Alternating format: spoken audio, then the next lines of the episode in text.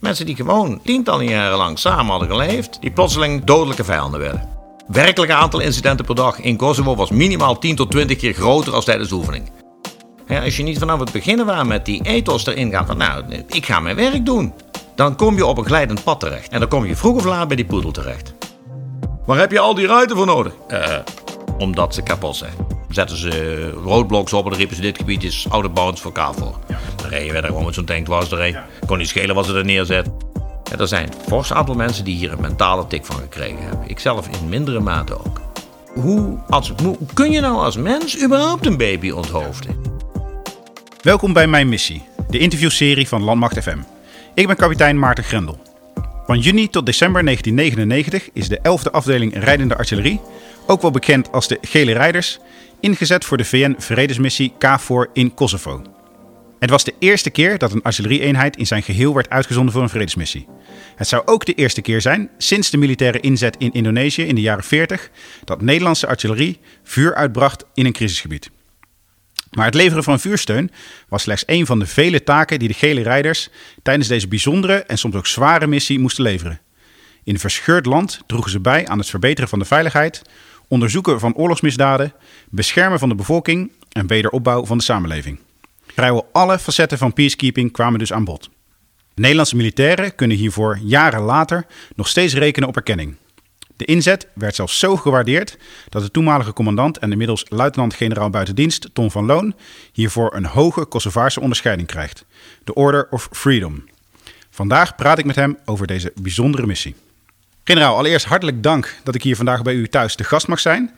Um, laten we beginnen om terug te gaan naar de periode voorafgaand aan de missie. In 1999, dat is nu meer dan 20 jaar geleden. Sommige militairen die nu in dienst zijn, waren toen nog niet eens geboren. En wat de meeste luisteraars waarschijnlijk wel weten, is dat er in de jaren 90 een burgeroorlog woedde in het voormalige Joegoslavië. Uh, dat veel bevolkingsgroepen zich afsplitsten, dat ze onafhankelijkheid wilden. En dat, dat proces dat ging gepaard met een burgeroorlog met heel veel bloedvergieten. En we kennen het verhaal van Srebrenica. Maar 1999, dat was al enkele, enkele jaren later. En Kosovo ligt ook op een hele andere locatie, ten zuiden van Servië. Srebrenica lag in het westen, op uh, honderden kilometers van elkaar. Dus kunt u heel kort schetsen wat er destijds aan de hand was in Kosovo? Wie waren er met elkaar in conflict? Nou ja, dat is niet zo vreselijk. Heel, in heel kort even schetsen wat er in Kosovo aan de hand was. Is natuurlijk best wel ingewikkeld. Kosovo, ja. dan moeten we, ik denk dat je daarmee moet beginnen. Kosovo was um, in de 14e eeuw het centrum van het Servische keizerrijk. De stad Prizren in Kosovo, waar wij vlakbij in de buurt gelegerd waren, die stad was de hoofdstad van dat keizerrijk. Um, dus er, zit ook heel veel van hun religieuze um, instellingen zitten in uh, Kosovo. Hè. Het uh, grote klooster in Dechani, maar ook in het gebied waar wij zaten waren heel veel uh, kloosters en kloostertjes uit, de vroege, uit de vroege eeuwen. Ja, dus, dus voor Servië had het een hele grote historische waarde. Ja, en wat er in feite gebeurt, als je nu, je, je noemde net al Bosnië, de, wat er in feite hier gebeurde, is dat de Servische minderheid uh, steeds meer werd opgezet um, door een, ja, laten we maar even eerlijk zeggen, een populistische dictator Milosevic tegen die Albanese meerderheid. Ja. Uh, waardoor steeds meer een voedingsbodem ontstond voor etnische zuivering. Uh, ik denk dat je, dat je zo die situatie het beste kunt beschrijven. He, die bevolking die werd vanwege politieke motiveringen door een Servische leider die zichzelf in Bosnië natuurlijk in de problemen had zien komen, werd die opgezet en daar gingen buren gingen elkaar daadwerkelijk te lijf. Mensen die gewoon jarenlang, tientallen jaren lang samen hadden geleefd, die plotseling uh, dodelijke vijanden werden. Ja, dat doet me heel erg denken aan, aan, uh, aan Rwanda, waarbij eigenlijk het externe factoren heel erg die, die scheiding uh, ja, onderstreepte en, en steeds meer die, die, die Ja, Rwanda was natuurlijk nog een heel stuk extremer. Hè? Ik ben uh, bij Rwanda betrokken geweest. Toen was ik nog eens drie van de 13e brigade. En wij hebben toen daar troepen naartoe gestuurd. Dat was natuurlijk nog een heel stuk extremer. Ik ken uh, Romeo Dallaire persoonlijk erg ja. goed. dat, is, dat is een generaal met PTSS. Ja. En niet een beetje. Nee, ik heb zijn boek gelezen. En Dallaire heeft zelfmoord ja. proberen te plegen. Ja. En dus die situatie is nog weer een heel stuk extremer. En het andere probleem, en ik denk dat dat ook misschien wel het allergrootste verschil was, de, onze inzet in Kosovo, wij hadden alle middelen. Wij waren de baas. En er kan geen ja. twijfel over bestaan dat wij daar met overmacht naar binnen gegaan zijn. Ik kom daar zo meteen nog wel ja. even op terug. Maar dat is, en in Rwanda, daar had niks. Een pure VN-missie met een blauwe baret. En dan zwaaien en hopen dat het goed komt. Daar hadden wij geen last van. Nee, nee dus nou ja, dat, dat was in ieder geval een, een, een positief aspect. Ja. Uh, en misschien ook een les die we toen ook geleerd hebben uit uh, 1993. Ja. Want u was commandant van de, de 11e afdeling rijdende artillerie. Wat voor een eenheid was dat? Nou ja, wat je net al zei, de gele rijders. Uh, wij waren allereerst natuurlijk gewoon, net als alle andere afdelingen, een afdeling artillerie met M109's. We hadden uh, M109's, daar gingen wij mee schieten. Ja, de voorloper van de panzerhouwitzer. Voor, de voorloper van de panzerhouwitzer, ja, ja, precies. Um, die, ook hetzelfde kaliber, uh, maar met een kortere dracht. En je moest veel meer handwerk doen. Dat was dus ook meer, de bedieningen van die vuurmannen waren groter, want je moest handwerk doen. Die granaten moesten veel meer gehandeld worden. Ja. Maar die kern van die artillerie-eenheid, die, wij waren nog um, in het patroon van de Koude Oorlog. De infanterie, de cavalerie, die staan vooraan en daar staat de artillerie achter. Ja. En het was heel sterk gebaseerd op drills um, en op, op routine. Schietseries in Münster en altijd hetzelfde. Mm -hmm. En bij de gele rijders was dat misschien nog een beetje echter, want los van die artillerietaak had, had de gele rijders natuurlijk ook een ceremoniële taak. Met die prachtige uniformen, onder andere bij Prinsjesdag. Ja. Waarbij die drill natuurlijk nog een heel stuk meer Ja, want de gele rijders die geven altijd de saluutschoten af. Die geven de ja. saluutschoten af uh, bij allerlei gelegenheden. En de kern van deze eenheid is dus ja, routine, drill. Hè? Ja. Dus zorgvuldig hetzelfde doen. Ja, en, en toen kreeg u de opdracht om zich voor te bereiden op een, om een hele andere inzet, een, een vredesmissie. Ja, dat is niet dat? waar. Oké. Okay. Wij kregen helemaal niet in eerste instantie de opdracht voor een vredesmissie. Nee. Kijk, begin 99, toen de NAVO ging ingrijpen in, uh, in dit conflict en de luchtoorlog in maart begon, toen uh, heeft Duitsland zich voor het eerst bereid verklaard om een grote rol te gaan spelen in die daaropvolgende missie, de landmissie. Ja. Maar die landmissie, wij wisten toen nog helemaal niet hoe dat zou gaan verlopen. Dus in eerste instantie, vandaar ook de M109's.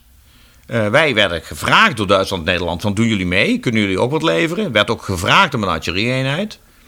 Maar wij waren dus gewoon ingericht om te gaan vechten. Ja. En met dat Servische leger wat Kosovo onderdrukte, om daar gevechtsacties mee te voeren. Dus in eerste instantie de constructie hè, om een afdeling artillerie te leveren, die hoorde bij de vraag van de Duitsers. De Duitse brigade had ook tanks. Ja. Uh, komen we straks vanzelf wel een keer op het, uh, met een beetje geluk op die tanks terug. Want mijn Duitse compagnie in, uh, in Orawatsch, die had ook tanks. Ja. ja, dat is wel een hele belangrijke. Want u had het net al over het overwicht en alle middelen. wat bij heel veel andere VN-missies, zoals net ook al geschetst werd, niet het geval is. Ja. Maar hier was de VN zich echt aan het voorbereiden op grootschalig gevechtsoptreden. De NAVO. Want het was een NAVO-missie. Oké. Okay. Op verzoek van de VN. Ah, Oorspronkelijk ja, overigens, ja. de luchtoorlog heeft niet eens een echt compleet VN-mandaat gehad. Ja. Dus dit is een missie die begon van ja, we moeten op alles, wisten- weten wij het, we moeten ons voorbereid zijn. Dat we daar met geweld. Dus dat was een oorsprong, oorsprong als je het de kern wil, je zei straks peacekeeping, dat is een lastige term trouwens. Hè. Peacekeeping is hoe dan ook, als er peace is, dan hoef je, dan hoef je geen militairen te sturen. Nee, precies. dit was in de oude terminologie peace enforcing. Ja. Want daar gingen we vanuit. Dus wij hadden de middelen en het plan in noodgeval om dat af te dwingen. En Ja. pas later in het proces, naarmate wij in steeds verder kwamen in de onderhandelingen, hè, eh, Sir Mike en de, mijn baas, de comcavo Sir Mike Jackson, die onderhandelen met de Servische autoriteiten over terugtrekking, bleek dat onze zorg veel minder was het met die Serven moeten vechten, als wel we, we moeten zorgen dat als daar een veiligheidsvacuum ontstaat, dat we dat opvullen. En ook het mandaat van de VN, dat daarna geschreven is, veranderde dus. Ons VN-mandaat, voor het eerst in de geschiedenis, had uitdrukkelijk het waarnemen van civiele taken in het mandaat. Wij hadden formeel het VN-mandaat om de civiele componenten waar te nemen tot die er zouden zijn. Ja, dus, dus eigenlijk van, van alle markten thuis. Van vechten tot eh, de ondersteunen, wederopbouw. Ja, zeker. een heel erg breed mandaat. Ja. Dan wil ik nog heel even terug naar de, de situatie voorafgaand aan de inzet. Want u had het over het Servische leger Ja. was bezig met nou ja, het, het plegen van geweld tegen de Albanese bevolking daar. Ehm, nou weet ik dat de Albanese bevolking dat ook niet zonder slag of stoot liet gebeuren. Dus er, waren meerdere partijen die geweld gebruikten. Eh, wie, wie waren er aan de Albanese kant betrokken? Nou ja, de- de- kijk, de, ehm, oorspronkelijk was in het begin van de jaren 80 was er een relatief grote autonomie voor de provincie Kosovo. Dat heeft Milosevic teruggedraaid. En pas vanaf het einde van de jaren 80, begin jaren 90, ontstond daar een situatie waarin in feite een onderdrukking plaatsvond. Natuurlijk was daar een tegenbeweging. Een twee soort, eigenlijk had je een soort schaduwbestuur. Hè. Er bestond eigenlijk onder het Servische officiële bestuur een soort schaduwbestuur. En Rugova eh, onder andere. En daarnaast had je het Kosovo Bevrijdingsleger, de UCK, Ja. eh, wat ehm, gewelddadig daartegen optreden. En dat leidde dan weer, het optreden van het UCK tegen in eerste instantie relatief geringe Servische eh, aanwezigheid, leidde uiteindelijk tot een massale inzet van het Servische leger. En dat leidde dan tot eh, etnische zuivering eh, en eh, ja, eh, op grote schaal misdrijven tegen de menselijkheid. Ja, ja waarbij niet alleen militairen of combattanten eh, nou ja, geweld aangedaan werd, maar ook gewoon burgers, onschuldige Uiteindelijk mensen ging werden iedereen, vermoord. iedereen te lijf. Ja, En wat ik ja. straks al even zei, mensen die jarenlang, tientallen jaren lang samen in de fabriek hadden gewerkt, die buren waren, die plotseling dodelijke vijanden werden. Ja. En dat is, en dat, dat, dat, dat is dus zo aangejaagd. Er is een volkswoede op gang gebracht. Ik vind het overigens uitermate belangrijk dat we daar ons goed realiseren dat we vandaag de dag met haat tussen verschillende groeperingen. Het woord haat komt me veel te vaak voor. En mijn rijders en ik hebben in Kosovo gezien wat dat betekent, ultimo. Waar dat uiteindelijk toe kan leiden. Ja, ja, dat mensen echt zonder enig voorbehoud elkaar lijf maken. Ja, doodmaken. Ja. Ja. En u, u kreeg dus eh, nou, niet zozeer de opdracht voor een vredesmissie, maar voor een veel breder, veel bredere inzet. Ehm, u had een artillerieeenheid. Hoe heeft u zich daarop voorbereid? Nou ja, kijk, wij, wij, het, allerbelangrijkste is dat wij ons eh, moesten gaan voorbereiden op dingen die we niet direct wisten. Ja. Hè, je moest dus proberen je voor te bereiden op ja, die niet, rond, niet routine omgeving. Dus vooral een hele grote mentale omslag maken. Hè, een, een, een grote omslag maken van, oké, wat betekent dat dan nu? Hè, dus los van alle oefeningen, die hebben we ook gedaan. Overigens, ik heb zelf eh, toen bij mijn toenmalige brigadecommandant als afdelingscommandant wel eens geklaagd dat die oefeningen niet realistisch waren. Want veel te veel incidenten per dag. Ik heb naar de hand nog eens een keer teruggedacht. En de, het werkelijke aantal incidenten per dag in Kosovo was minimaal 10 tot 20 keer groter als tijdens de oefening. En dus eh, één, meteen allereerste les. Bereid je maar voor op erg. En als je denkt dat je dat aan kunt, dan doe maar voor erger. Eh, Je, je kunt beter maar overvoorbereid Ja, zijn. ja precies. Dat- de, de, de kreet is ook wel train hard, fight easy. Ja, maar dat, geldt eigenlijk overal. Dat geldt hier ook. Ja. En ja, in die voorbereiding hebben wij dus ook vooral aan die mentale component gewerkt. Ehm, ik, even korte anekdote. Wij hadden ook zo'n die oefening en af en toe ging het niet zo erg lekker. En ik heb toen op een gegeven moment tegen een aantal van mijn mensen geroepen: luister, je moet nou je goed realiseren dat er twee soorten waakhonden bestaan: poedels en dobermans. En theoretisch kan die poedel best een goede waakhond zijn. Maar dat gelooft niemand tot die bijt. Als jij eruit ziet als een poedel, dan moet je vroeg of laat schieten. Als je nou zorgt dat je eruit ziet als een doberman, dan hoeft dat niet. En ik was wel heel trots toen uiteindelijk eh, veel later in de missie eh ben je ook nog eh infanteristen vanuit, dat we ondersteuning kregen. En een van mijn jonge dames, eh, die eh, luchtmobiele infanterist aan het uitleggen zat, was hoe dat met die poedel en die doberman zat. Ja. Dus dat, dat soort mentale componenten, en misschien is dat ook wel een kernles. En we moeten zorgen dat die mentale component, het voorbereid zijn op het onverwachte, het voorbereid zijn op, oké, ik weet het niet, maar ik moet nu wat doen. Dat is ontzettend belangrijk. En ik ben af en toe een beetje bang dat in een bureaucratische krijgsmacht, die we steeds stiekem weer aan het worden zijn, en we zijn weer terug naar regeltjes zijn belangrijker, als, dat we dat vergeten. En iedere missie die wij doen, en deze is daar een geweldig goed voorbeeld van, zie je weer dat, je moet gewoon dat leren.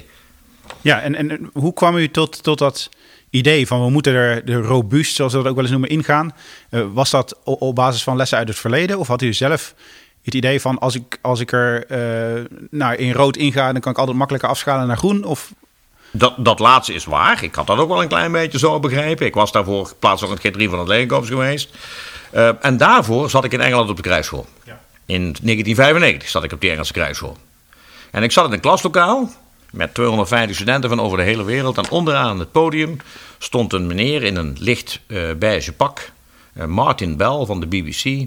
En die riep tegen de zaal: All Dutch are cowards. Countries like the Netherlands should never be allowed to do peacekeeping operations again. Dat ben ik nooit meer vergeten. ja, ik kan me voorstellen. En toen wij dus in Kosovo waren en mijn Britse baas, Sir Mike Jackson, een keer bij ons op bezoek was, heb ik hem dat ook nog een keer verteld. Whatever hier ook gebeurt, maar dat doen wij niet. Ja, ja. Wij gaan ons mandaat uitvoeren, koste wat het kost. En ik denk dat dat ook cruciaal is. Als je niet vanaf het begin waar met die ethos erin gaat van, nou, ik ga mijn werk doen. Dan kom je op een glijdend pad terecht. En dan kom je vroeg of laat bij die poedel terecht. En, en hoe gingen de, de manschappen, de, de rijders en de, de onderofficieren en misschien de jonge officieren, hoe gingen die daarmee om? Uh, zag u ook echt die mindsetverandering bij uw mensen? Of? Bij de meesten wel. Natuurlijk, laat ik even heel helder zijn. Hè. Ik heb heel veel van die jongelui gevraagd. Hè. Wij hebben kei en keihard moeten werken, die hele periode. In, in de zin van dingen doen, ja, hoe bewaak je nou een massagraf? Hoe, hoe doe je dat? Hoe patrouilleer je in een gebied waar mensen elkaar haten? het was ook fysiek zwaar. dus dit, dit was geen eenvoudige missie. Dit was een hele zware missie. Overigens, vaak zijn één missies erg zwaar. die, je hebt nog niks. Je, je weet, je moet, van, je moet bouwen. Um, en daar speelde ook een stukje angst mee. Ook een stukje uh, ja, anders dan wat ze gewend waren. En een aantal van mijn mensen waren natuurlijk al op uitzending geweest, Bosnië. Maar bijvoorbeeld bunkers, wij hadden geen bunkers. Nou, hoe dan ook. Hoe zouden wij bunkers? Die, die hadden we niet. Dus als je als aan beveiliging wilde doen, dan was de dreiging voor ons natuurlijk ook niet zo. Ja, die was er misschien in de hoofden wel. Maar feitelijk, ja, we gingen dan op ons schieten. Wat ik al zei, we hadden M109's en tanks. Ik bedoel, eh, zei misschien Kalashnikov, nou prima. Maar dus die dreiging was ook van een andere orde. Uh, maar ja, wij, hadden dat spullen niet. We hadden trouwens ook geen douches en geen toiletten. Die hadden we niet. Ja, ja dat is een vraag die ik ook al uh, had voorbereid, die iets verder. Maar misschien is het goed om daar nu al op te komen. Uh, de omstandigheden waren Spartaans. En dat werd van tevoren werd daar al ja. Nou ja, voor gewaarschuwd. Ja, er had iemand uh, bedacht, wij gaan maar uh, maximaal twee keer één rotatie. Dus we ja. doen maximaal twee rotaties. Dus het heeft geen zin om daar hele bases voor op te bouwen. Dus we gaan Spartaans. Nou, nou heeft een artillerie het één enorm voordeel. Dat is veel vrachtwagens. Wij hadden transportcapaciteit. Dus we hadden best wel veel in die vrachtwagens gekiept. Tenten en zo. Maar dan nog, en douchecontainers zoals we die nu gewend zijn... Ehm, maar ook naar huis bellen. Wij hadden drie satelliettelefoons. Ja. En mijn auto, mijn eigen auto, die werd s'avonds ter beschikking gesteld. En dan kon iedereen kon met mijn satelliettelefoon, uh, overigens single channel, hè, dus met overroepen tegen Pama, ja. kon je nog een keer naar huis bellen. Ja, maar andere, die middelen, die, wij kregen pas veel later in de uitzending kregen wij een klein beetje douchecapaciteit. En veel later in de uitzending kregen we ook een heel klein beetje meer uh, satellietcapaciteit, zodat dat we ook privé konden bellen. Ja, en dan nou ja, met, een, met een heel bataljon of een hele afdeling. Ja. Uh, zal het een paar minuten per dag geweest zijn, uh, hoogstens. Ja, in het begin was het een minuut. Ja. Dat, uh, dat was het wel zo'n beetje. En, dan kon je, en dat werd ook geturfd. Er zat iemand met een stopwatch ja. bij. Ja, dat, dat moet ik wel. Dat, dat kun je nu bijna niet meer voorstellen. Ik ben twee keer op uitzending geweest. En beide uitzendingen hadden gewoon prima internetverbindingen en telefoonverbindingen. Dus dat is. je moet je ook goed realiseren. Wij waren dus Nederlanders. Mijn, mijn afdeling, toen wij die gebiedstaak kregen, werd ook uitgebreid. Ik had op een gegeven moment ook een Turkse compagnie erbij. Ja. En tijdens onze uitzending gebeurden grote aardbevingen in Turkije. En deze jongens konden helemaal niet op een of andere manier met huis. Die heb ik toen ook met mijn satelliettelefoon naar huis laten bellen. En onder het motto: ik vond dat ook deze Turkse soldaten deel van mijn eenheid waren. Waar we wat we konden doen, dan ook gingen doen. Ja. Uh, overigens, toestemming daarvoor krijgen van het DOPS was nog best wel ingewikkeld. Ja. Uh, overigens, het gaat ook heel goed zonder toestemming. Ja, precies. Ik kan me herinneren, generaal eh, Beulen, de, de vorige CELAS, die heeft ooit eens geroepen: soms kun je beter achteraf excuus aanbieden dan vooraf toestemming vragen. En dat, uh, nou, daar heeft hij wel een beetje gelijk in. Ja. Dat is een deel van commando. Ja. ja. Um, nog even terug naar het begin. Want uw eenheid was, was helemaal opgewerkt. Uh, had, had, heel veel verschillende opleidingen gevolgd. Uh, was fysiek en mentaal voorbereid op, op een zware missie. Maar ze gingen niet direct van Nederland naar Kosovo. Ehm, nee. Dat heeft nog even geduurd. Er zat nog iets, wat, wat, wat dingen tussen. Kunt u daar iets over vertellen? Ja, je moet sowieso een beetje voorzichtig. Ik denk dat ik voorzichtig ben in de roepen waren wij echt helemaal klaar met voorbereiden. Dat, dat, dat vind ik een lastige. wij hadden. Dat was wel een uphill battle geweest. Hè? Dus wij hadden binnen het redelijke gedaan wat we konden. Ja. Dus in die zin waren wij er klaar voor. Wij, wij wilden ook gaan. Zo goed als mogelijk. Zo goed als mogelijk. Met alle beperkingen. Uh, nou, ik geef bijvoorbeeld maar een voorbeeld. Mijn afdeling had van huis uit 24 M109's op dat mm -hmm. moment. Maar de toenmalige PCDS was een artillerist. En die had geroepen 18. Dus ik mocht 18 van die vuurmonden meenemen. Dus ik moest op een gegeven moment ook nog keuzes maken. Van wie en waar en hoe. Dat, dat maakt het ook allemaal niet makkelijker. Hè? De structuren werden dus ook weer anders als we het eigenlijk wilden. Maar waar was die, die keuze op gebaseerd dan? Wilden ze nog wat reserve houden in, in, Nederland? in de goede oude tijd hadden we 18 van die vuurmonden. Oké. En dus eh, dat was gewoon ergens, uh, ergens in een politiek debat zo. Net zoals uh, personeelsplafonds. die waren toen absoluut ja. heilig. Daar was geen discussie over mogelijk. Personeelsplafond, personeelsplafond. dus als je het ene erbij wilde, moest je iets anders inleveren. Ja. En zo simpel kan dat. nou, die, die, en dat bouwen, dus wij kregen op een gegeven moment ook toegevoegde eenheden, Nederlandse eenheden. We kregen mortieropsporingsradar mee bijvoorbeeld. Dat waren geen rijders, maar kanoniers. Wij kregen andere stukken, versterking erbij. Uh, Stimmick-officieren, uh, die hadden we ook een paar bij ons. Uh, ik kreeg een persvoorlichter erbij. Dat, al dat soort dingen moesten geïntegreerd worden. Ja. en uiteindelijk, de politieke besluitvorming over ons in te zetten... Ja, die liep een klein beetje synchroon met het NATO-besluit om landeenheden te gaan inzetten. En vanaf maart luchtoorlog. Ja. Ja, want in de tussentijd werd er uh, flink gebombardeerd om het, ja. het Servische leger ja, uh, te dwingen om terug te trekken. Precies, ja. om Milosevic op de knieën te krijgen, uh, tot en met zijn hoofdstad toe. Hè. dus er was een luchtoorlog gaande. En gelijktijdig moest er dus gepraat worden over ja, wanneer gaan we nou die landcomponent inzetten. Nou, Nederland wilde daar niet te snel, niet te langzaam. Dus wij, onze besluitvorming, politieke besluitvorming, ja, die liep eigenlijk nog een klein beetje langzamer als die NATO-besluitvorming. Uh, in die tussentijd moesten er wel plannen gemaakt worden. Uh, Sir Mike Jackson's hoofdkwartier was intussen naar Macedonië, uh, wat nu Noord-Macedonië heet, verplaatst. die zaten in een oude schoenfabriek. Mijn Duitse brigadecommandant had een deel van zijn brigadestaf ook verplaatst naar Tetovo in, in Noord-Macedonië. Ehm, en ik zelf ben regelmatig heen en weer, want ik mocht van Nederland niet permanent ontplooien. En dan hebben wij één batterij eerst naar Macedonië gedaan en pas daarna de rest. Wat voor mij wel in die periode heel interessant was in Noord-Macedonië is het planningsproces. Mijn Duitse brigadecommandant sprak niet zo geweldig Engels. En ik zei net al, ik had de Engelse krijgsschool gedaan. Dus mijn brigadecommandant, wanneer het enigszins kon, die nam mij mee. Ja. En misschien een fraaie anekdote in dit verhaal. Ik weet nog heel erg goed dat ik op een gegeven moment in die schoenfabriek was, daar in uh, Skopje. En dat was vlak voor dat wij Kosovo zouden binnentrekken.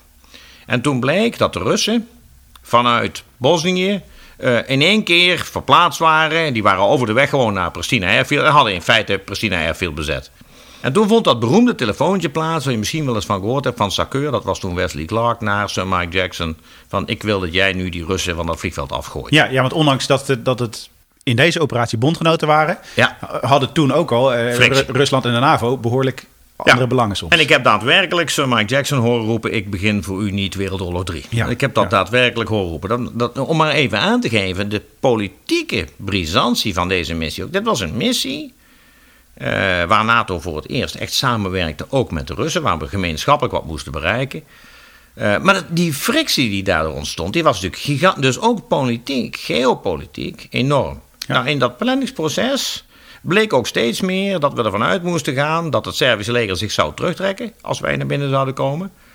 En steeds meer bleek ook, dat WN begon intussen ook voorzichtig uh, een missie op te bouwen, dat wij er rekening mee moesten houden dat iemand dat veiligheidsvacuum, als, die als het Servische leger en de Servische politie in één keer zouden wegrennen, wat zou er dan gebeuren? Ja.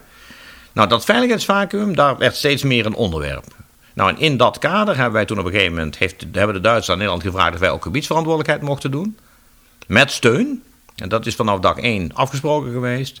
En zo is die rol van die afdeling van vuursteuneenheid verschoven naar gebiedsverantwoordelijk. Ja. Een fundamenteel, en daarvoor hadden we wel een, vanaf het begin waren een Duitse compagnie onder bevel. En later ook een Turkse compagnie en zelfs een tijd lang een Russische compagnie. Dus we hebben daadwerkelijk met een multinationale eenheid die gebiedstaak. En dat, dat geeft natuurlijk een hele andere dimensie aan je missie. Ja, en een, veel grotere verantwoordelijkheid, kan ik me ook voorstellen. Ja, en ook veel meer onduidelijkheid. Ik bedoel, uh, uiteindelijk het evaluatieverslag van KAVO, als je dat leest, dan staat daar dus in dat wij de facto een tijd lang het militair gezag hebben uitgeoefend. Ja. En dat is een taak die, ja, die hadden we helemaal niet, had ik ook niet, niet echt ja, dat hadden we wel ergens in ons achterhoofd. Nou ja, dit is toch wel iets waar we. Maar wat dat dan precies ging inhouden, ja, dat was best ingewikkeld. Ja, en, en die, die tussentijd, ik kan me voorstellen dat het een, een onzekere periode was. Misschien niet zozeer voor u omdat u echt bij de planning betrokken was, maar wel voor uh, de, de mensen van de eenheid. Ja, we zijn minimaal een keer op drie, vier uh, van we gaan wel, we gaan niet, we gaan wel, we gaan niet, we gaan wel, we gaan niet. Dat, dat is natuurlijk uitermate vervelend. Hè? Hoe leg je het, dus alweer, we gaan volgende week en dan toch niet. ja. ja. Overigens, de verplaatsing zelf was ook nog fascinerend, want we zijn met schepen naar Griekenland gegaan. Thessaloniki, daar zijn we ontladen. In Griekenland, eh, dat is Grieks-orthodox, de overheersende religie, die lijkt vrij sterk op Servisch-orthodox. Dus heel veel Grieken waren ook niet zo erg aan onze kant, laat ik het Ja. maar zo zeggen. Dus van mijn vrachtwagens zijn op de kolonnenverplaatsing tussen de haven en eh, onze eh, assembly area in, in Macedonië... zijn ongeveer een derde van alle ruiten gesneuveld. Oké, ja. Om maar even, Ja. ook dat soort dingen. Ja, daar had ook niemand over nagedacht. Overigens, als je dan een verzoek indient voor nieuwe ruiten, niet één nieuwe ruit, maar een heel pak nieuwe ruiten, Ja. dan roept iedereen in ook: waar heb je al die ruiten voor nodig? Eh, omdat ze kapot zijn. Ja, ja. Ja, dat, eh, dat, dat klinkt bekend. Ja. Ehm, en, en wanneer zette u zelf voor het eerst voet op eh Kosovaarse bodem? Nou, ik, ik wist dat je die vraag ging stellen, ik heb dat opgezocht. Ja, Ik ben op 12 juni met mijn brigadecommandant, dus op de eerste dag dat de allereerste be- beweging, ben ik met de brigadecommandant in de helikopter naar Prizren gevlogen. Eh, dus ik ben met hem in de heli ge- eh, alleen. Ik had ook verder geen enkele Nederlander bij me, ik. Mijn auto, eh, mijn eigen auto, mijn Mercedes zat in de kolonne eh, die via Albanië, want, want zoals al gezegd, mijn auto had een mobiele, mobiele eh. De Duitsers hadden nul satellietcommunicatie. Niets. Dus de enige manier om met dat konvooi te praten, om dat in de gaten te houden, was mijn, was die satelliettelefoon. mijn Ja, telefoon. Ja. Dus ja, daar hadden we uitgeleend. Nou, dat voordeel was dat hij ook wel relatief snel aankwam. Ja. ja, dus letterlijk als, eh, als, als eerste de, de first in, eh, lead Ja. from the front, eh, laten we maar zeggen. Hoe was uw eerste indruk daar? Ja, dan, kun- dan kun je je bijna, ja, dan, dan kun je eigenlijk het beste voorstellen als je nu 75 jaar bevrijding, hè, dit Ja, jaar in ja. Nederland. Dat is wat daar in Prizren gebeurde. Allereerst totale chaos. Ik kan het niet, totale chaos. Maar de eerste militairen die aankwamen, de Duitsers hadden een aantal van hun eh, lichte eenheden met helikopters ingevlogen. Dus Duitse parachutisten, die waren met helikopters ingevlogen. Dus er waren, maar die waren dus, ja, dat waren hele lichte Ja. infanterie-eenheden. En Ja, die bevolking, die Luchtmobiele eenheid van Nederland, Ja. alles in de rugzak en daar moet je het mee doen. dat was het zo'n beetje. En die bevolking vierde de bevrijding. Dat, dat was er wat er gebeurde. Ja. Dus mm, die Duitse soldaten werden op de schouders rondgedragen, bloemen. Het was één immense chaos. Nou, mijn baas en ik we hadden nagedacht over: oké, als we daar dan zijn, hoe gaan we dat dan doen? En we hadden daar een, het oude bureau wat de OVSE gehad had voordat de, de luchtoorlog begon. Dan hadden we gedacht, als we dat nou nemen. Maar ja, toen kwamen wij dus vanuit die, onze helikopter en een paar man beveiliging eromheen en, en nog wat stafofficieren mee bij dat gebouw aan. En toen dachten we van, en wie doet die deuren nu open? Ja, En wie is er aan de beurt om die deur open te Ja. maken? Want EOD of zo hadden wij niet bij ons. Eh, dus dat was ook een, ja, hm, interessant, laat ik het maar eens zo zeggen. ja, ja want mijnen en booby traps wa- waren ook een reële dreiging. Mijn daar. en booby traps waren een reële dreiging. Uiteindelijk bleek dat overigens in de praktijk mee te vallen. Er waren, zeker waar wij waren, het enige waar wij echt veel last van hadden, waren niet ontplofte eh, bomlets van de luchtmacht. Ja, want er waren vrij veel met clustermunitie gewerkt en die bomlets die waren er wel. ja, Maar goed, niet in dat gebouw. Dus dat viel uiteindelijk nogal mee. Ehm, ja, en ja, toen, toen begon het hele verhaal. En nog een, eh, ik, ik weet dat ook, dat weet ik nog heel erg goed. Maar vrijwel onmiddellijk nadat we daar waren, begon dus de totale chaos. En een van de eerste commandanten die daar bij mijn brigadecommandant binnenkwam, was een Servische kolonel. En die riep van, ik, eh, ik ga weg, dat hebben we afgesproken. Ik ga terug verplaatsen naar Servië. Maar ik sta aan de verkeerde kant van de stad. ja. Ik, sta, ik moet door de stad heen. En als die Albanese met stenen naar mij gaan gooien, dan ga ik schieten. Ja, Dus mijn baas wilde alles behalve dat ik door de stad ging rijden. ja precies. Dat was niet het plan. Maar die Serf, die riep, ja, daar heb ik allemaal niks mee te maken. Ik heb recht op een eervolle. Ja. En Jullie gaan dat regelen en het kan me niet schelen. Ik ga gewoon schieten. Nou, toen, nou, na wat heen en weer gepraat, eh, riep op een gegeven moment die Servische commandant tot mijn verbijstering. Oké, is goed, ik rij om. Onder één voorwaarde. Jij stuurt vandaag nog troepen naar Orawatch. En toen werd ik wakker, want ik dacht van, hé, hey, daar ben ik. Ja, Eh, precies. Eh, U, u was er net, uw eenheid was eh, ik, had, ik, had, ik was ontplooid. ik. Ja. Hè, dat was het al zo'n Ja. beetje. Hè? Eén, ik.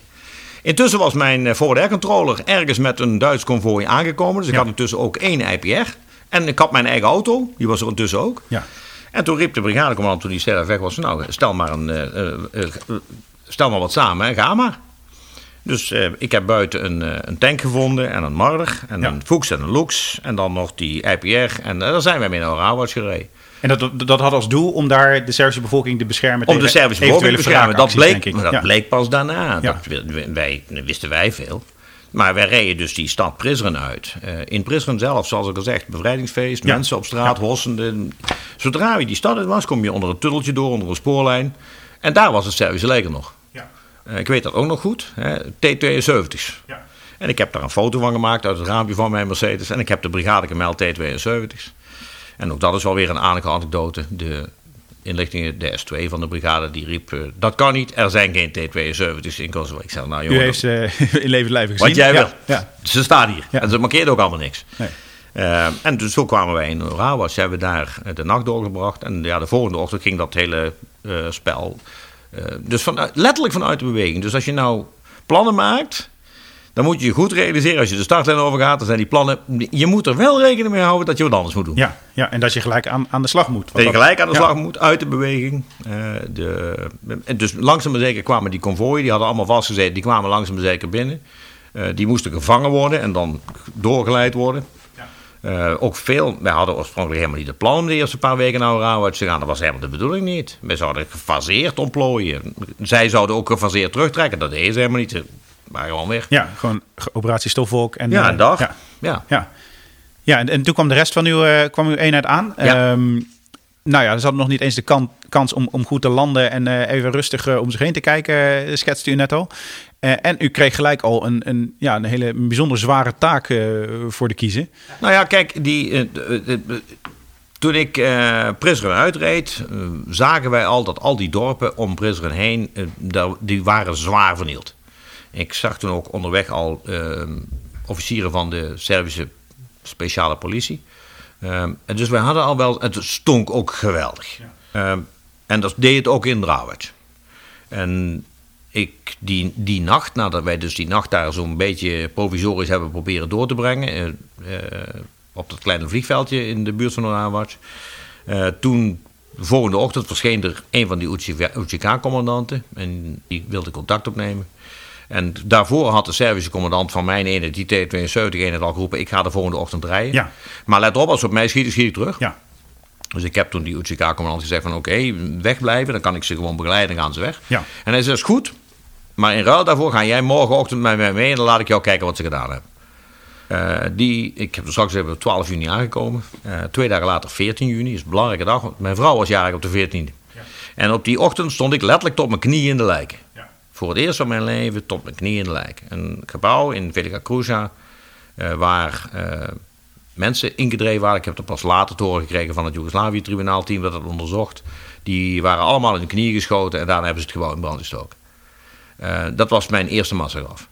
Eh, en daar hebben wij er heel veel van gehad. We hebben ongeveer zo'n 2000 lijken geborgen in de meest afschuwelijke staat. Ehm, dus mens.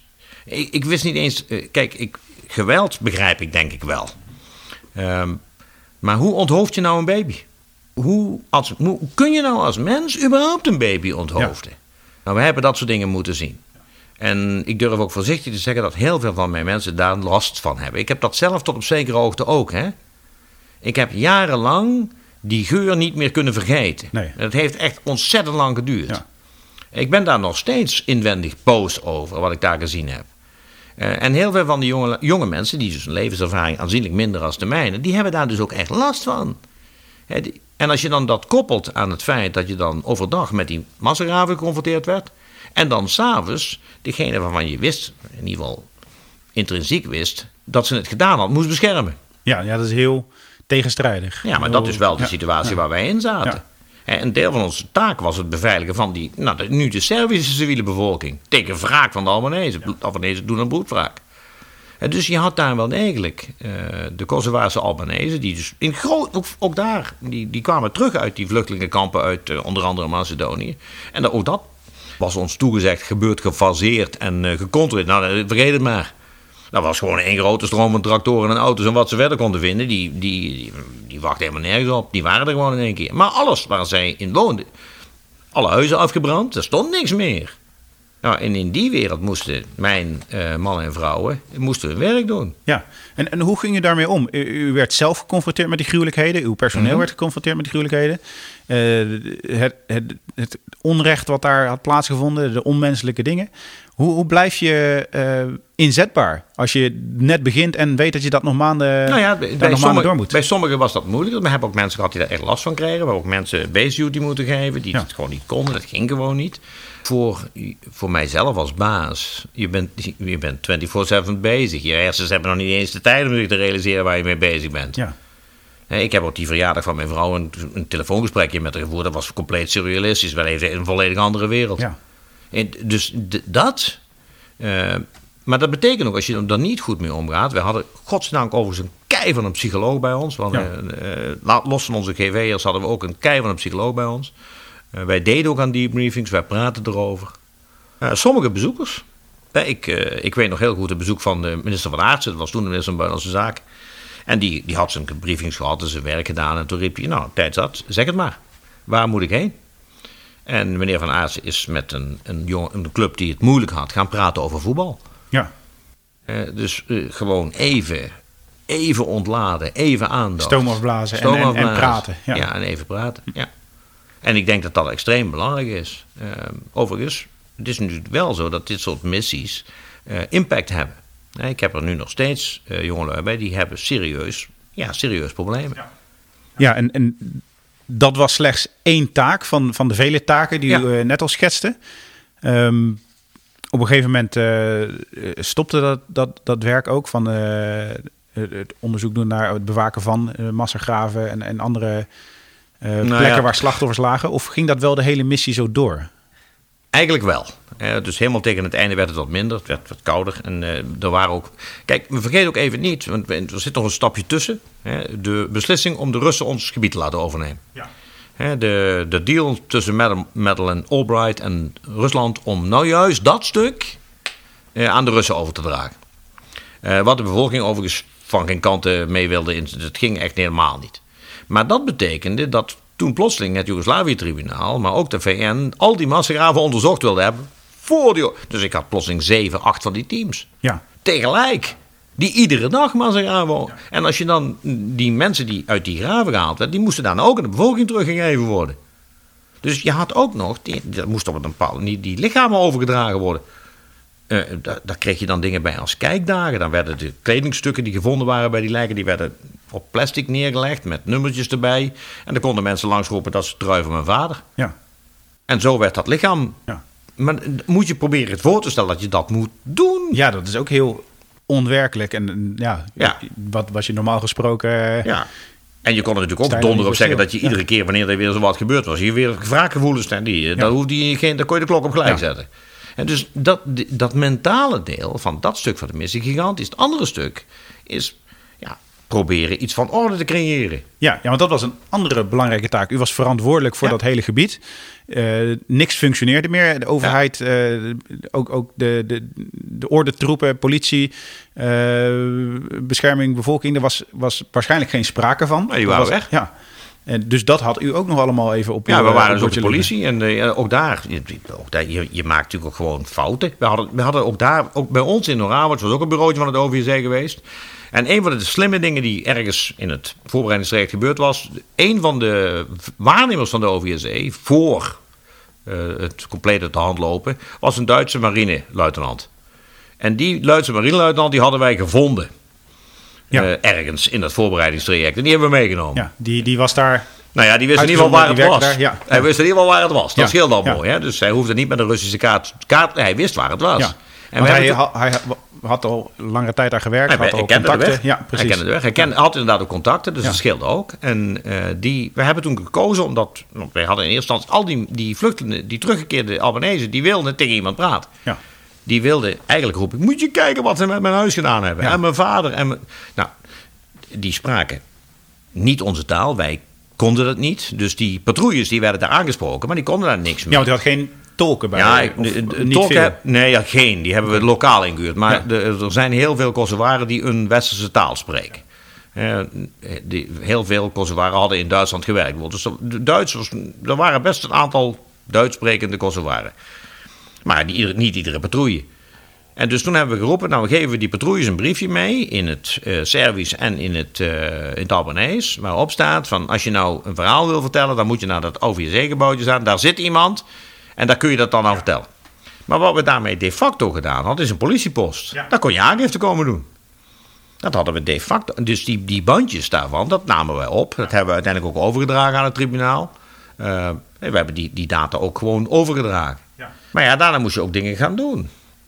Hè, brand, het wilde nogal eens branden. Hè, de, een van de wraakmethodes van uh, was, we steken het huis in brand. Ja.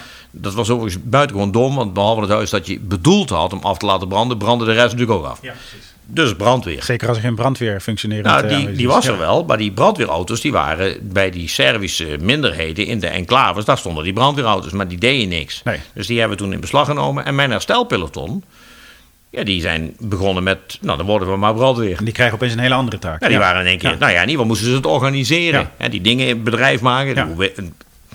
Uh, weet ik veel hoe een brandweerauto werkt. Uh, nou, dus dat, dat soort dingen. En dat was dan ook relatief simpel. Maar ook uh, zoiets doms als houtkap. Als je op nou je dorpje tegen een helling aan ligt en daar staat een bos bovenop die helling en je gaat dan hout bovenop die helling kappen, wat gebeurt er dan? Ja, dan, krijg je dan komt die helling naar beneden. dus, dat, dus dat mocht niet. Ja. Dus ik heb op een gegeven moment houtkap verboden. Ja. Ik bedoel, was dat mijn baan? Ja, weet ik veel, maar niemand anders deed het. Ja. Ik, je ging dus gewoon vanzelf te gaten. Ja, als niemand het doet, doen wij het maar. Hè, op zijn Duits. Uh, es gibt veel te doen, pakken weer eens aan. Ja. Hè, dus dat was zo. En, en, en, sommige van die dingen waren ook heel leuk om te doen. Hè. Het is gewoon heel leuk om, om weer te beginnen met van hoe krijg je kinderen naar een school en hoe ga je dat, dat, dat, dat. Maar sommige dingen waren dat ook absoluut niet. Nee. Die had ook altijd klagers. Het was nooit goed. Uh, ja, dat, dat speelde natuurlijk ook mee.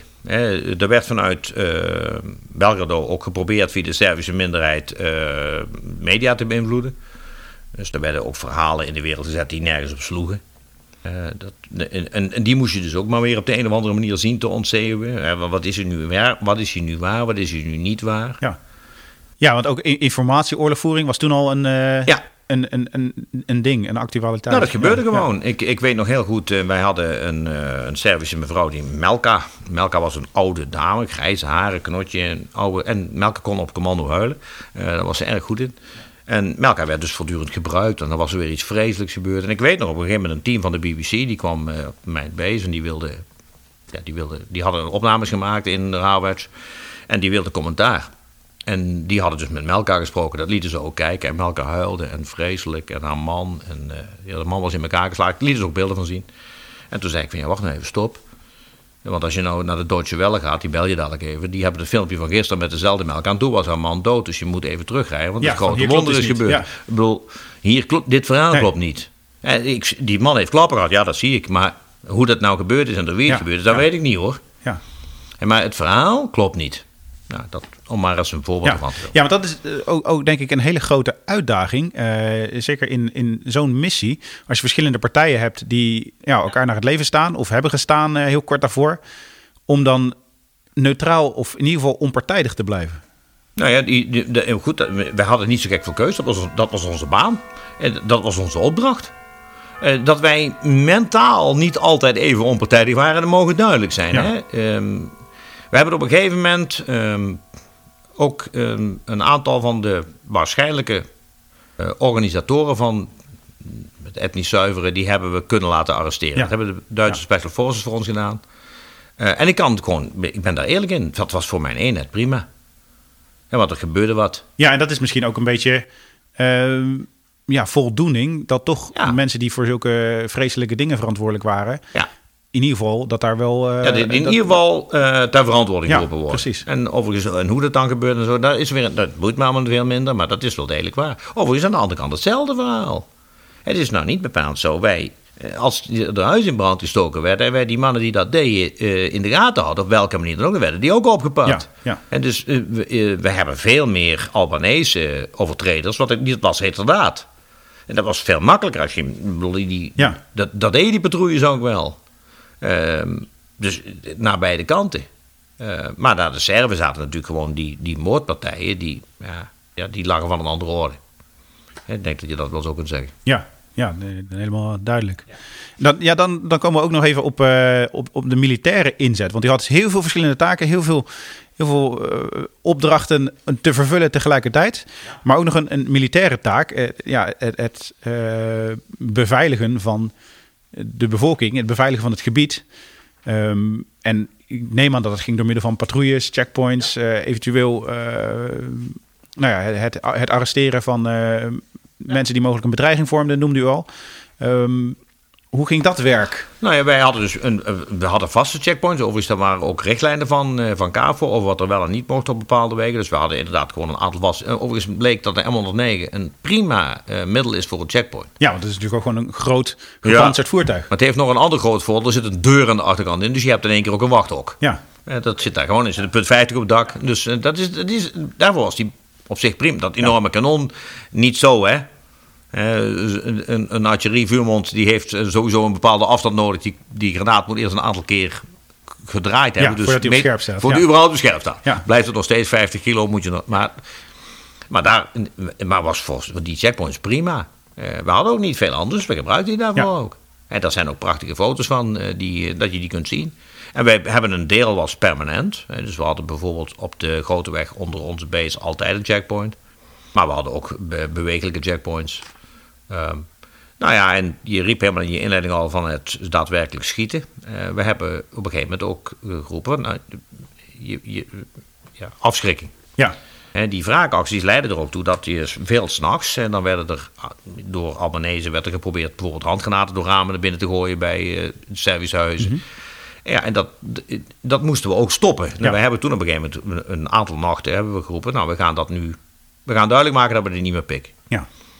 En dat was mooi gemeenschappelijk. Dus wij wisten eigenlijk wel waar die. Dat was vrij onoverzichtelijk terrein met wijnranken en uh, dat soort dingen. Daar kropen ze dan doorheen. Uh, dus we hadden in de berg, op de heuvel, hadden we een Duitse uh, Lux, een verkenningsvoertuig. Mm -hmm. Een soort Fennec, maar dan ouder. Ja. Uh, met warmtebeeld. Ja. En daar hadden we ook een paar M109's opgestelling neergezet. En, en één tank aan de andere kant, een Leopard. En wat we toen gedaan hebben, was toen we ze zagen kruipen, hebben we eerst lichtgranaten afgevuurd, Ja. zodat je ze kon zien, licht. En daarna met die Leopard eroverheen geschoten, met Ja. een 120 mm kanon. Ja. Eh, oh, Dat maakt wel indruk. eh, ja, dat zijn de grootste waarschuwingsschoten die we waarschijnlijk ooit zijn afgegeven. Ja. Dus ja, we hebben, we hebben daarna overigens wel meer keer licht geschoten. We hebben eigenlijk alleen maar verlichting geschoten. Ook voor de Gurkha's. Mijn noordelijke buureenheid waren de Gurkha Rifles. Mhm. Eh, die s'nachts helemaal niks konden zien. Daar hebben we ook nog een keer verlichting voor geschoten in een wat onoverzichtelijk gebied. Eh, maar behal- dus vandaar ook het boek over eh, onze uitzending heet ook Licht boven Oraal. Ja, ja, ik heb het boek gelezen. Ook, Ja. eh, ook Ja. een, een mooi naslagwerk. En ja, dat is dan toch wel bijzonder. Ik kan me ook voorstellen voor, voor de artilleristen zelf... ondanks de veelheid aan andere taken die ze hadden... dat ze toch ook hun organieke werk Ja. tijdens de missie hebben kunnen doen. Ja, ook. En we hebben ook nog wel een aantal keren met die. eh, we hebben op een gegeven moment zijn we ook wat oefeningen gaan doen. Ook, ook, ook om het ritme eh, eh, dat, te doorbreken. Hè. Dan kreeg je dus een van de pelotons die ging dan gewoon een, met, met hun vuurmonden een oefening doen. Dat hebben we ook nog gedaan. Ja, Ja, dus dat is wel ja mijn volgende vraag was over hoogte- en dieptepunten. Maar u heeft mij al zoveel mooie en, en, en trieste anekdotes verteld... dat ik eigenlijk niet weet of die vraag nog relevant is. Ik weet niet of u zelf nog... Nou ja, kijk, eh, wat ik, eh, we hebben het helemaal nog niet zo erg gehad over de Russen. Hè? De, Nee. Toen wij nou zo'n klein beetje op een gegeven moment gewend geraakt waren, we waren een klein beetje in een ritme gekomen. eh, we hadden ook een klein, toen kwam dat besluit om de Russen te laten overnemen. Dus toen hadden we de volgende totale chaos. Ja, Hè, want plotseling was ook iedereen weer. In Nederland was de regering verdeeld. Eh, de, van Aartsen riep, wij zijn niet de voetveeg van de NAVO. Dat is, hè, dus dit was behoorlijk ingewikkeld. Ehm, en politiek dus extreem gevoelig. Eh, lokaal bij de bevolking extreem gevoelig. Want de Albanese dachten gewoon, ja, nu worden al die misdrijven worden onder de tafel geveegd. En voor de Russen ook niet makkelijk. Nou, en uiteindelijk werd er besloten, doen we het gefaseerd. Eh, vandaar dat ik dus op een gegeven moment een tijd lang een Russische compagnie onder bevel had. ja, Ja, Russische paratroepers eh, met van die blauw-wit gestreepte hemdjes. eh, zoals we ze ja, de bekende... uit, ik ken ze zo nog uit de, de Koude Oorlog, Ja. hè, van de beelden. Die eh, prima soldaten, leiding moeizaam. eh, ja, en je moest ze voortdurend begeleiden. En deze mannen kon je niet alleen laten, want dan gingen ze van de bevolking stelen, want daar leefden ze van. Ja. Die hadden Kregen ze, kregen ze geen eh, onvoldoende salaris? Of, oké. Nauwelijks en Ja. logistiek ook niet echt. Ja. En eh, brandstof, want als je ze brandstof gaf, dan moest je niet te veel brandstof geven, want dan verkochten ze het. Ja. Eh, dus het was best wel lastig. Aan de andere kant, ehm, deze mannen, als je dan. Hè, we deden alle checkpoints met hun samen. Het Mhm. was nooit een Russisch checkpoint. Er was altijd een checkpoint met meestal de Duitsers en met tanks. Eh, die, die, ik had een, een Duitse tankcompagnie onder bevel. Ja. Eh, Heel veel tanks. Ja. Daar kon ik niet meer patrouilleren. Tanks in zo'n stad patrouilleren, dat werkt niet. Nee. Dus die kon ik wel heel goed gebruiken voor die bewegelijke checkpoints. Dus daarvoor werden eh, onder andere die Duitse tanks toch vrij regelmatig ingezet. Ja, en wat we ook deden is die uh, successen geven. Hè. Je moet uh, in een multinationale operatie ook zorgen dat je de successen een beetje verdeelt. Dus wij wisten wel een aantal wapencaches van uh, de UCK. Die wisten we wel, maar hadden wij zelf niet zo'n tijd voor gehad en zin in gehad. Dus die gaven we dan aan de Russen. Ja. En dan konden zij zo'n cache oprollen en dan konden ze naar huis melden dat ze dat Precies, dat ze in ieder geval ja. succes hadden geboekt in kleinere operaties. Ja, en uiteindelijk die, weet ik ook nog, ook weer, terug naar media. Ja. Weer terug naar de publieke perceptie. Ik weet nog ook nog heel goed dat wij, toen dat Russen ontplooiing begon, dat was natuurlijk voor ons ook in en toen eenmaal besloten was, ze gaan het overnemen. Um, toen kwamen de internationale media natuurlijk ook kijken. Ja. En ik weet dat ook nog goed. We hadden toevallig, net daarvoor hadden wij besloten dat wij uh, wapens gingen inzamelen. We hadden in het voormalige politiebureau van de Servische politie een lijst gevonden, wapenlijst. Mhm. Mm -hmm. Want toen het Servische leger zich terugtrok, hadden ze blijkbaar de burgerbevolking bewapend. Ja, om zichzelf te kunnen beschermen of omdat ze van die wapens Nou, dat weet ik in ieder geval niet, maar ze hadden ze bewapend. Ja. En, en, en, daar hadden ze netjes bureaucratische lijst Ja, van gemaakt. ja. Dus wij hadden een lijst met wapennummers en namen. Ja, En we dachten, nou, we gaan een poging. Daar zaten ook Dragonos bij. En daar waren we wel echt serieus Ja, de bezorgd over. scherpschuttersgeweer. Scherpschuttersgeweren. Ja. Dus wij moesten... Ja, die wilden we toch wel erg graag Ja. hebben. En toen hebben we een wapeningsinzamelingsactie besloten. Eh, we hadden die lijsten in de Servische eh, wijken, in de Servische enclaves opgehangen. Eh, en de volgende dag een vrachtwagen er neergezet met een wachtmeester. Van nou, kijk maar wat er gebeurt. En wij hadden dat een beetje onderschat, want die, die bevolking was panisch. Die Servische bevolking was echt bang. ja. Eh, dat is ook niet zo vreemd, hè? En dus die kwamen massaal wapens inleveren. En ik bedoel, dat, dit was massaal. En dat was hetzelfde moment dat die media in Nooravoc aankwamen om... Die, wilden, die gingen eigenlijk het berichtje maken. Die Nederlanders die zitten helemaal in zak en hals, want die moeten weg en die moeten dan de Russen overgeven. Nou, wij waren bezig met de wapeninzamelingactie. ja. En die mevrouw van, eh, ik heb daar met dame van CNN gesproken, die zei ook van briljant, of is het zo gepland, dat weet ik niet. Maar dit, jullie hebben het bericht 100% omgedraaid. Ja, ja, soms moet je ook een beetje geluk hebben met dat soort dingen. Soms maar dat, droeg in ieder geval bij aan een veel Ja. betere En wij hebben beeldvorming. gewoon heel simpel we hebben gezegd, nou, ik, hoor het wel wanneer ik Ja. wegga. Dan ga ik weg. En tot het moment dat ik weg ga, doe ik mijn werk. Punt. Ja, ja. ja, dat is ook een beetje de, de instelling die je moet hebben. Dat Ja. is tegenwoordig met missies nog steeds zo dat de, de, de rotatiedata nog wel eens willen wijzigen. Al is Ja. het maar omdat eh, een vlucht eh, later komt of niet komt. Ehm, ook dat is een, een stukje mindset die denk ik heel belangrijk is Ja. om op een goede manier Ja, je werk te kunnen doen. Maak je daar niet te druk om, dat, dat komt wel. Eh, wij doen ons werk. Zo goed en zo kwaad als het gaat. Wat we kunnen, dat doen we. Wat we niet kunnen, dat doen we niet. Ja, ik bedoel, de, op een gegeven moment moet je ook keuzes maken. Ik, ben, over, ik heb er straks heel even over die Servische eh, orthodoxe kerkjes gesproken, die kloostertjes. Ik ben er daar ook eenmaal kwijtgeraakt. Wij hadden op een gegeven moment gewoon niet meer de capaciteit om al die dingen te bewaken. En dus hadden we één hadden we in een patrouilleschema opgenomen. Maar ja, dat hadden ze natuurlijk vrij snel in de gaten dat er gaten zitten tussen die patrouilles. En dan bliezen ze die kerk op. Ja, dat was niet goed. Maar ja, ik was door mijn capaciteit heen. Dat houdt op een gegeven Ja, moment gewoon op. ja, in, in- ja, nogmaals, met, met de veelheid aan taken en, en, Ja, je moet en de chaos kiezen. daar. Je kunt ook niet alles doen. Ja, je wil niet kiezen, hè, Nee. want je wil gewoon alles goed doen. Maar je, op een gegeven moment zul je toch wel moeten. Er zit niks anders op. Kijk, eh, ja, dat is denk ik toch wel heel belangrijk. Ja, en op een gegeven moment moest je dus eh, de, de, de taken overdragen Ja, aan de Russen. Eh, ja stukken. Dat, aan de rust heb ik nooit overgedragen. Dat ging niet. Ja. Eh, dat, dat liep gewoon ook vast. Mhm. Eh, we hebben op een gegeven moment een soort eh, ja, frozen situatie gecreëerd. Van, nou, dit, dit is het. Eh, mijn opvolgers hebben meer van dat eh, overdrachtswerk gedaan. Maar wij hebben zelf eigenlijk nauwelijks naar die ja. overdracht toegekomen. Nee, want, want nou kwam nog een Nederlandse eenheid Ja. het gebied in. De 41e afdeling. Ja, en, en hoe heeft u de, de missie voor jezelf en uw, eenheid... Heeft u bewust ook afgesloten van... eh, ja, het zit er nu op, het werk is nog niet af, maar on- onze shift zit erop. Eh, hoe, hoe ging dat? Nou ja, wij, wij zijn ook wij zijn vlak voor kerstmis, eh, dus vlak voor het millennium zijn we teruggekeerd. Ja. Hè? Ik, ik heb tijdens de medailleparade ook gezegd, everyone is back home for Christmas. Ja. Want ik heb geen verliezen geleden, dus we zijn met z'n allen teruggekeerd. Eh, wat, wat ook heel goed was, heel belangrijk. Eh, maar wij hebben daar dus met die eh, medal parade dat proberen af te sluiten. Wij hadden overigens ook nog een moeilijke terugkeer met gedoe met Nederland. Laat ik het maar eens even zo noemen. We hadden asbest ergens nog in de beweging. dus alles moest in één keer ontsmet Ja. Nou, dat was allemaal.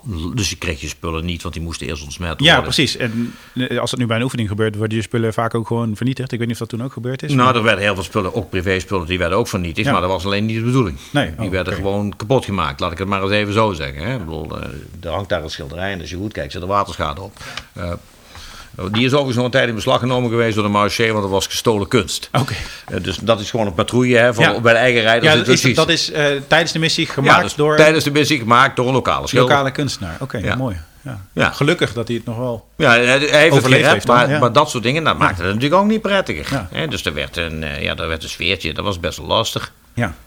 Dus ja, dat ja, was best wel de terugkeer. De politieke frictie, eh, die toen dus nog extra aan begon. Eh, nou, niet direct echt lekker, laat ik het maar eens even zo zeggen. Ehm, en ja, de, de tweede afdeling na ons, die hadden het natuurlijk nog wat lastiger, want die werden nog met veel meer eh, keurslijven verstuurd. En wij hadden ja, wel keurslijfmaten, maar een beetje. Wat ik al zei, we hadden een heel breed mandaat en heel weinig richtlijnen. Ja. En dus dat ging op zich ja, makkelijker, laat ik het maar zo zeggen. Ja. Nou, nou heb ik echt wel het idee gekregen dat u in een, een hele complexe en zware missie Mhm. eh, al- als commandant er wel echt het, het maximale heeft uitgehaald in, in positieve zin. Nou ja, mijn, jongen. kijkt, hoe, ja, hoe, hoe kijkt u daar zelf nu Nou, op laat ik terug? nou heel helder zijn. Wat wij daar gedaan hebben, eh, dat, bedoel, meer, dat was volstrekt ondenkbaar. Ja. Minder, eh, dan moet ik achteraan, misschien had ik dat ook nog wel moeten doen. Ik heb al heel veel geëist. En we hebben wel heel veel gedaan. En dat betekent wel dat ik nu met terugkijken roep ik durf met, met een hand op het hart. Meer, volstrekt ondenkbaar. Ja. Wij, dat, wij hadden niks. Dat was op. Eh, wij draaiden ook gewoon niet shifts, hè. Het was gewoon, je krijgt acht uur per dag vrij. Ja. Acht uur per dag mag je slapen. Ja. En die andere 16 dus niet. Ja. En dat overigens gewoon zeven dagen in de week. Want zondag gewoon stuk. Want we hadden ook niks. De capaciteiten waren marginaal. We hadden geen reserves. Als je eh verlofreizen, dus mensen die op verlof gingen, dan zaten er meteen gaten in de structuur. Had ik meteen problemen. Moest de rest harder werken. Ja. Nou, dus eh, ja, die, de, ik durf wel heel zeker, meer onmogelijk. En wij zaten ook nog in een heel lastig stuk. Hè? Wij wisten overigens niet wat Orawatch was. Hè, inlichtingen over hoe belangrijk Orawatch was voor de Serven met al die orthodoxe kerken, geen idee. Idee dat juist daar al die massagraven zaten, wisten we niet. Dat is allemaal, dat gebeurde in de missie. Ja. En dan, en dan roepen van iemand anders misschien. Ja, wie dan? En dat was niemand anders. En wij hadden in het begin, die had de Duitse brigadecommand drie bataljons. Eentje voor de stad Prizren, dat is een gigantische stad. Eentje voor de beveiliging van de routes, zodat je tenminste in ieder geval die logistiek kon krijgen. En ik was het derde ja, bataljon. er was ook geen reserve. Dat was niks. Nee. En, en we kregen op een gegeven moment nog een Turks bataljon erbij, waarvan ik één compagnie gekregen heb. Maar dat Turkse bataljon was maar beperkt, dat kon je maar voor beperkte taken gebruiken. Ja. Ja, die moesten echt toestemming vragen in Ankara. Ja. Ja, dus die, die notie moet je wel erbij pakken. Dus eh, meer? Nee, zeker niet. Ehm, maar wat ik daarvan leer, eh, kijk, als je nu kijkt naar je terugkijken, is dat je dus dit soort dingen, die moet je in de opleiding proberen in te vlechten. En iedere eenheid kan geconfronteerd worden met zo'n taak. Ja. Want ook als je er als gevechtseenheid ingaat en het gevecht is beëindigd, dan moet iemand. Hé, want jij zei daar straks een artillerie misschien niet zo logisch. Nou, als we nou naar het einde van de Tweede Wereldoorlog kijken en je kijkt naar de Amerikaanse eenheden in Duitsland, dan zijn het juist vaak artillerie- en logistieke eenheden die die taak hebben opgenomen. ja, precies, omdat de gevechtseenheden al Die waren al op, gesleten waren. op Of, ja. en bovendien ja. ook vaak ehm, te zeer persoonlijk betrokken bij het geweld. Ja. Dus die ene die net een stapje terug kunnen maken. En ik denk dat dat helemaal niet zo'n onnatuurlijke taak is. Maar dan moet je alleen wel eh, ja, op train- trainen op onzekerheid. En het tweede element is trainen in samenwerking. En samen is het kernwoord. Eh, samenwerken met andere landen. eh, dus multinationale verbanden. Lastig, allemaal waar. Samenwerken met civiele organisaties, in mijn geval UNHCR en het Joegoslavië-tribunaal in die situatie. Ja, en dat zijn skills die we ook niet echt. Ik, tenminste, ik had dat nog nooit gedaan. Maar met andere landen wel. Maar dat ik met burgerorganisaties moest samenwerken en hoe dat dan moet en hoe je nou. nou dat was best. We hadden toen ook nog geen Simic Center of Excellence, dat Nee. bestond helemaal niet. Nee. Ik had twee artilleristen, die, eh, die, die waren mijn Simic-officieren. Ja, die, prima. Helemaal top. Die hebben ontzettend goed hun best gedaan, maar opleiding daarvoor. Eh, een een eh, reachback capaciteit om eens te bellen van oké, dat is prima. Ik heb hier een postkantoor. Wat moet je met een postkantoor? Ja. Postkantoor klinkt heel onbelangrijk. Is het niet, want in postkantoor hebben ze namelijk namen en adressen. Mhm. Dus als mensen nu verdreven zijn en die willen roepen: ja, maar dat was mijn huis. dan is het postkantoor een van die plaatsen waar je kunt vaststellen of dat zou kunnen ja, kloppen. precies. Een vorm van administratie. Dan moet je maar Ja. per ongeluk. Ik heb geroepen: alle vormen van administratie nemen wij in beslag. Wij nemen alle administratie die we tegenkomen in beslag. Tot we die kunnen overdragen aan iemand die ze hebben wil. Ja. Maar wij laten niks verloren gaan. Want ik heb die misschien straks, iemand anders heeft die straks nog een keer nodig. Dus toen het Joegoslavië-tribunaal kwam, toen de VN-missie kwam, toen konden wij in ieder geval, nou hier, dit, ik weet niet wat ik ermee moet, maar ja. alsjeblieft. Het is in ieder geval niet verloren gegaan. Het is in ieder geval Ja. niet verloren Ja. gegaan. Ja. Nou, en dat zijn dingen, ja, die, die... Het zou goed zijn als we daar in voorbereidingen meer aandacht aan besteden, dat we dat trainen. Comprehensive approach. Ja. En we hebben nu weer de neiging om te roepen, ja, de, de Russen zijn terug, hè. Dus we hebben weer een reguliere vijand, dus doen we geen comprehensive approach meer. Dat is een fundamentele fout. Daar ben ik 100% van overtuigd. Want zelfs als Rusland de vijand is, zal die situatie ook hybride zijn. Dan heb je ook met dit soort chaos situaties te maken. Ja. ja, misschien juist wel meer. Juist misschien ja. nog wel meer, denk ik ook. Ja. Ja, dat is een hele mooie, want dat was inderdaad ook een van mijn vragen. Van, wat, hebben, wat heeft u ervan geleerd? Wat hebben we er als organisatie van geleerd?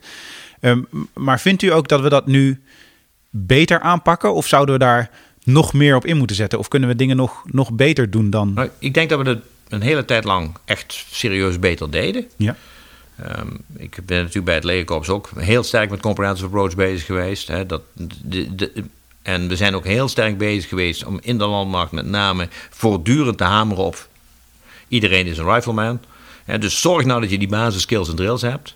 Ik ben alleen op het moment, met alle gigantische gaten die we hebben, Ja. met de vacatures die overal zijn.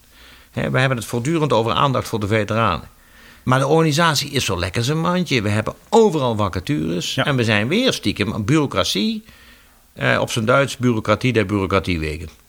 Eh, als het papier maar klopt. Nou, in de, en in de praktijk, als je ingezet wordt in dit soort missies, kun je die papieren werkelijkheid, die kun je vergeten. Je moet fysiek in staat zijn om die werkelijkheid te shapen. En dat betekent verantwoordelijkheid durven afdragen. Durf je ondergeschikten hun werk te laten doen. Probeer niet voortdurend micromanagement vanuit het plein met een lange schroevendraaier iedereen bij. Dat gaat toch niet werken. Dus we moeten, dat moeten we proberen vast te houden. Ehm, en ik zeg niet dat het slecht is nu, maar ik vind alleen, we moeten dat voortdurend blijven het realiseren. kan nog steeds veel beter. Opdrachtgerichte Ja. commandovoering, opdrachtgerichte commandovoering. En daarnaast training, training, training en nog meer training. Blijven bezig zijn. Ik heb liever dat we wat gaten in de uitrusting hebben, als dat we gaten in de training hebben. Ja. Nou, precies. Eh, Een militair is zo goed als, eh, als zijn eigen vaardigheden. En goede uitrusting helpt daar misschien een beetje bij. Maar, maar andersom, een militair met goede uitrusting zonder training, die krijgt niks voor elkaar. En ik heb dat ook in Afghanistan gezien. eh, in godsnaam. Hoe meer je getraind bent, hoe groter hoe de kans is dat je het met z'n allen een succes hebt en niet verliezen leidt. Dat is cruciaal. Ja. ja, want u gaf al aan, u, bent met eh, de volledige eenheid weer teruggekomen. Ehm, u heeft geen slachtoffers aan eigen zijde gehad, gelukkig.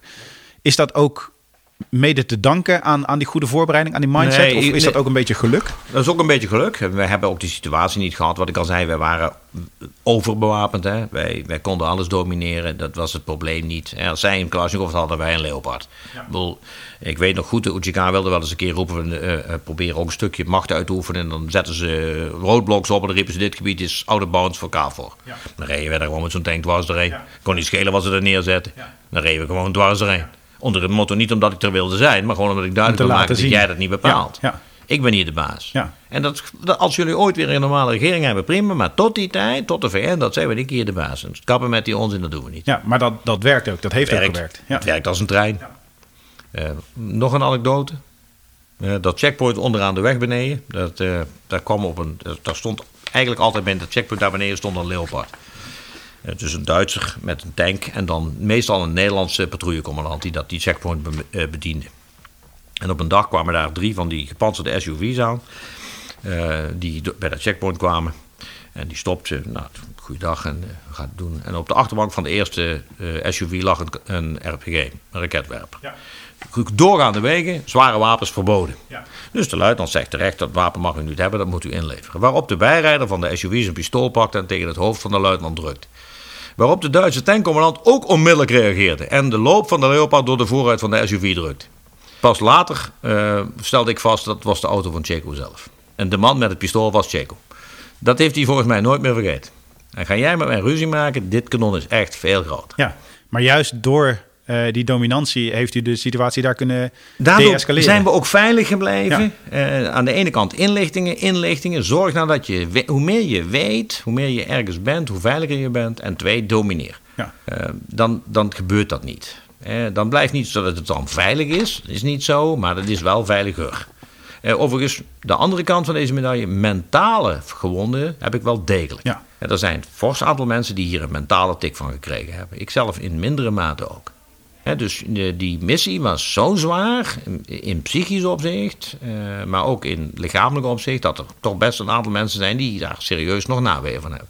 Ja, ja, ja wat, wat is uw idee daar, daar nu bij? Eh, had u dat kunnen voorkomen? Waarschijnlijk niet, denk ik, als ik zou niet waarmee u geconfronteerd Ik zou niet bent. weten hoe. En, Nee. ja, Nee, dat je, kan weet, niet. je weet ook nooit van tevoren hoe, hoe Nee. mensen reageren op Wat situaties. je, wat je kunt doen is, eh, is in de training ervoor zorgen dat je zoveel mogelijk die, eh, die weerbaarheid opbouwt. Hoe meer weerbaarheid, hoe kleiner de kans. Ehm, een deel ook bij selectie zorgvuldig daarover nadenken. Hadden we dat toen gekund? Nee. Ik zou niet. Nee. Had ik meer voorbereiding? Nee. Weet niet. Zeker niet. Overigens, ik moet ook eerlijk zijn. Heel veel van die dingen die daar gebeuren, had ik ook niet voorzien. Nee. Nee, we wisten niet dat, daar, dat dat helemaal vol zou liggen met lijken. We hadden wel fotootjes gezien van massagraven in Kosovo. Maar dat nou juist wij, die in dit soort aantallen zouden hebben... dat bij ons alle dorpen plat zouden zijn... Hè, dat, dat wist, wij wisten ook niet eens dat de stad Oerawac een Servische minderheid... eh, een enclave zou hebben. Dat wisten we niet. Dat, dat hebben we vastgesteld toen we er waren. Hadden we dat moeten weten? Uh, het antwoord is ook ja. Dus het, bouwen, het opbouwen van een inlichtingenplaatje van tevoren is ook een van de dingen die we ervan geleerd hebben. Voorafgaan is dat oneindig veel beter. In, in alle opzichten. We, we hebben wel degelijk geleerd. Dus ik, ik ben daar ook optimistisch over. Dus we leren wel. Eh, ik vind ook dat we best veel geleerd hebben. Eh, maar soms leer je dus ook op dit soort lastige manieren. Het is, Ja. het is soms ook gewoon niet anders. ja. Kijk, en dan krijg je dus ook inderdaad van ja, eh, dan is het best wel knap dat je hele jonge mensen hebt. Die in staat zijn, dan toch over hun. over hun eh, in feite is wat mijn rijders gedaan hebben. Niet alleen mijn rijders, alle militairen van, van mijn taskforce. Die hebben dingen gedaan die, als je nou eerlijk kijkt, zo, nou objectief van zo, wauw. eh, en dat dat allemaal kon. Hè, dus je, ik ben daar ook intens trots op. Hè. Ik bedoel, laat ik daar geen misstand over laten bestaan. Dit is niet. ehm, ja, niet normaal. Hè, dus we hebben echt above and beyond, zeggen de Ja, Amerikanen. Hè? Nou, en ik denk dat we dat vinden. eh, Trouwens, in Afghanistan eigenlijk hetzelfde. Hè? Ik heb daar nog eens een keer. Ik, mijn reservecompagnie, eh, Grenadiers en Jagers.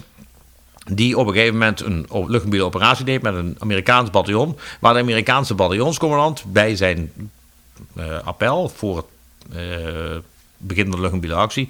de Nederlandse compagnie als voorbeeld stelde voor zijn Amerikaanse Rangers. Ja, En wij zijn best goed hoor. ja. Wij zijn best heel goed. En dan moeten we alleen zorgvuldig zo houden. En zo af en toe, wanneer we alleen maar over bureaucratie praten, zien dat de militairen de mond maar moeten houden, eh, ja, dan heb ik daar een probleem mee. Wij zijn best goed. Laten we dat dan ook vooral zo houden. Ja, precies. En dan, dan moet je mensen ook die vrijheid geven. En, en, en, dat de inzet, nou ja, veel meer dan best goed was, dat, dat blijkt nu ook wel. Want u wordt ruim twintig jaar later, eh, eh, wordt u nu onderscheiden met de, de Kosovaarse Order of Freedom. Eh, dat is naar wat ik begrepen heb een, een, hoge onderscheiding die niet vaak eh, uitgereikt wordt. Ehm, hij is eerder toegekend aan onder andere Tony Blair en Bill Clinton. Ehm, dus u bevindt zich eh, straks in een illuster gezelschap. En wat betekent dat voor u? Nou ja, de, het- het- dat is zo. Het is een hele hoge onderscheiding. Het is ook een, ja, eh, een belangrijke onderscheiding voor Kosovo.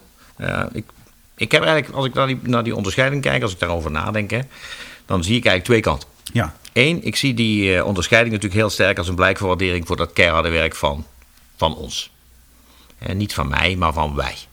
En natuurlijk, ik was het, boegbeeld, prima. Maar dit, dit is wat wij. Hè, de erkenning van eh, Kosovo voor wat wij rijders. Maar niet alleen die rijders. Al die militairen die met mijn taskforce hebben meegedaan.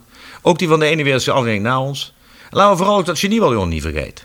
Hè, die, wat, het geniebataljon heeft ook een enorm belangrijke taak daarin gedaan. Ik zie dit een klein beetje als waardering. Laat, waar. Ehm, maar beter laat dan nooit. Eh, de reden is overigens niet zo vreselijk ingewikkeld waarom het zo laat is. Vorig jaar is de herdenking geweest, daar zijn wij bij de ambassade geweest. En de ambassadeur heeft zich toen pas eigenlijk gerealiseerd dat Nederland nooit op een fatsoenlijke manier bedankt is. En hij heeft dit dus besloten als. In feite zie ik dit dus aan dank voor de Nederlandse inspanning daar. Voor wat al die mannen en vrouwen daar gedaan hebben. Dat is mijn kern. En de andere kant van dit verhaal is. eh, ja, de, de naam, hè? Je noemde net Bill Clinton. Ik vind dat wel, wel aardig. Toen Bill Clinton die uh, onderscheiding kreeg, uh, overigens, hij was de president van de Verenigde Staten. Ja.